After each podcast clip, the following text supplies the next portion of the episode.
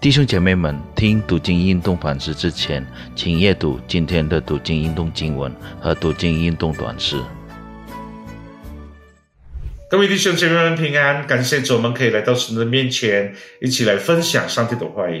首先，我们一起来祷告。我们在天上的父，我们感谢你，感谢你，你一直以来都带领我们的生活，你的慈爱、你的恩典都有在我们的生活当中。主啊，我们来到神的面前，我们用渴慕的心要寻求你的话语，求神自己对我们说话，让我们更了解、更明白，我们可以行在我们的生活当中，让我们的生活真正的可以来荣耀你的名。主，我们感谢你，我们这样敢祷告，奉靠耶稣名求的，阿门。今天的题目是以失望做斗争，约翰福音二十章十一到十八节，有一对年轻。夫妇丈夫一直在找工作，但一直找不到，等了好久，面试电话终于到了。今天就是公告。丈夫还对妻子说：“亲爱的，不管结果如何，接受不接受，从办公室回家后，今天就庆祝一下吧。”效果出来了，丈夫再次没有找到他希望的工作。从办公室回到家，即使他们再次失望，他们仍然可以为情况这一天而欢喜无误。这真是太棒了！对于一些人来说，保持快乐而不是失望，绝对不是一件容易的事。因为当失望降临在我们的生活中时，失望一定会带来改变。就好像有人在渡过难关，然后这样祷告：“主啊，你知道我的情况，我都钱都不多了，工作也没有，我的好朋友从来都没有关心过我，连我亲爱的女朋友都拒绝了我。圣经说你很好，你在乎，你有力量。不幸的是。”圣经的见证，现在对我的生活没有任何意义。各位弟兄姐妹们，失望来了，带来了改变。我们一起来读约翰福音二十章十一到十八节。玛利亚却站在坟墓外门哭，哭的时候低头往坟墓里看。就见两个天使穿着白衣，在安放耶稣身体的地方坐着，一个在头，一个在脚。天使对他说：“妇人，你为什么哭吗？”他说：“因为有人把我主挪了去，我不知道放在哪里。”说了这话，就转过身来，看见耶稣站在那里，却不知道是耶稣。耶稣问他说：“妇人，为什么哭？你找谁呢？”玛利亚以为是看园的，就对他说：“先生，若是你把他移了去，请告诉我，你把他放在哪里，我便去取他。”耶稣说：“玛利亚。”玛利亚就转过来，用希伯来话对他说：“拉巴尼。”耶稣说：“不要摸我，因我还没有升上去见我的父。您往我弟兄哪里去？告诉他们说：我要升上去见我的父，也是你们的父；见我的神，也是你们的神。”莫大拉的玛利亚就去告诉门徒说：“我已经看见了主。”他又将主的对他说的这话告诉他们。各位弟兄姐妹们。即使是耶稣时代的以色列人，当他们看到耶稣被钉死在十字架上，死去并被埋葬时，他们一定会非常失望。事实上，几周前，看看人们如何赞美耶稣，赞美他，并认为他是拯救者、弥赛亚，因为以色列人从。罗马入侵者手中独立出来。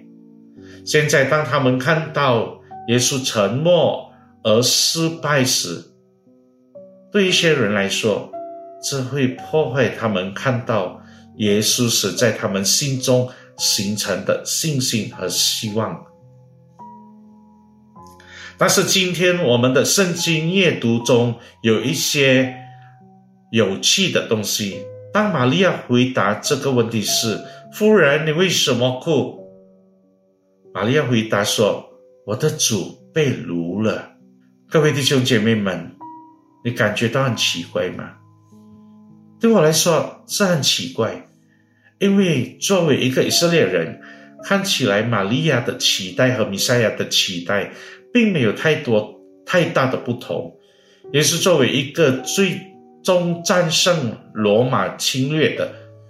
反叛者，但现在看到预期的只有悲伤。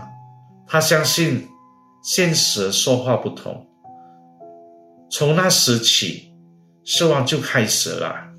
但是，这就是玛利亚的奇怪之处。原来当时玛利亚心中充满了悲伤和失望。原来。这就是玛利亚所相信的耶稣是谁都不变。他说：“我主被带走了，神为何死？神为何败？神师怎么不见了？”今天我们想想从玛利亚身上学到两件事。第一的呢，我们想回答这个问题：为什么玛利亚的信仰坚持？即使在她的心碎的情况下，仍然坚强。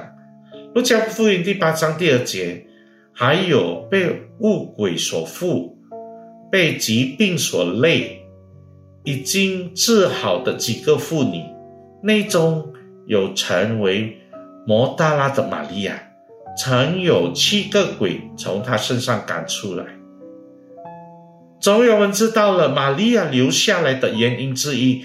玛利亚经历了关于什么是信心，信心不是关于宗教，而是关于关系。为什么玛利亚仍然坚定的注视之耶稣，直到那天，他仍然相信他是上帝，即使在当时的某些人看来，耶稣只不过是一个失败。的反叛者，因为这从玛利亚一见神，与神同在，与神同行，玛利亚就知道耶稣有能力。借着耶稣的能力，玛利亚在他的生命中经历了神的美善。当时许多以色列人心中的失望无法动摇玛利亚的信仰告白。对玛利亚来说，耶稣已经展示了他的良善、他的力量、他的爱和他的奇迹。我们今天的基基本问题是：我们当失望和悲伤的感生感觉升起时，是在破坏、破坏和消除我们这今所经历和一道的阻碍的痕迹吗？对玛利亚来说。答案永远是不。失望并没有使他失去上帝。第二的，我对第十四和第十五节感兴趣，我读给你们听。说了这话，就转过身来，看见耶稣站在那里，却不知道是耶稣。耶稣问他说：“妇人，为什么哭？你找谁呢？”玛利亚以为是看看园的。就对他说：“先生，若是你把他移了去，请告诉我，你把它放在哪里，我便去取他。”这不是描述我们悲伤和失望时的经历吗？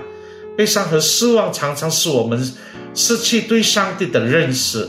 玛利亚看见了耶稣，但为什么玛利亚不知道那是耶稣？不晓得那是耶稣，如此悲伤，以至于玛利亚似乎没有想到上帝可以向我们这些相信他的人展示玛利亚的其他可能性。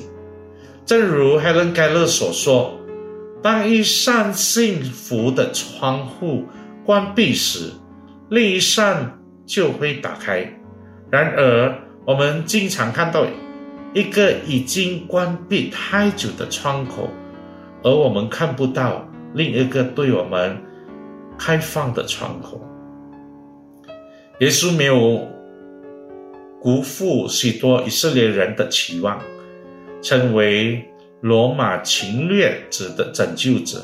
然而，他有一个非常强大的理由，一个比其放以色列人更大的理由。这就是为什么所有相信他直到今天和永远的人都会称他为我的主、我的救主。耶稣通过展示一条更好的道路——复活之道、拯救之道，与当时以色列人的失望做斗争。他没有输，他没有死，他复活了。我们是否以今天的悲伤、失望以及所有的重担和破碎的心，与耶稣一起复活吗？诗篇三十篇第十一节：你已经将我的哀哭变为跳舞，将我的麻衣脱去，给我披上喜乐。感谢主，主改变我们的生活，主带领我们的生活，跟他一起，我们不会失望。我们一起祷告。我们在天上的父，我们感谢你，今天你教导我们，我们。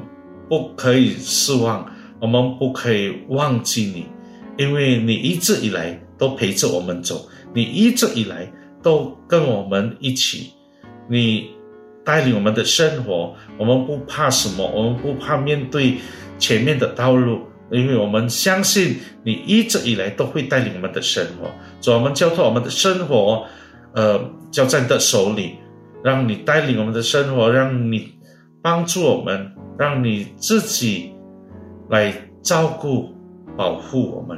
感谢主，我们相信你，我们交托我们的生活交在你的手里。我们这样感恩祷告，奉靠耶稣名求的，阿门。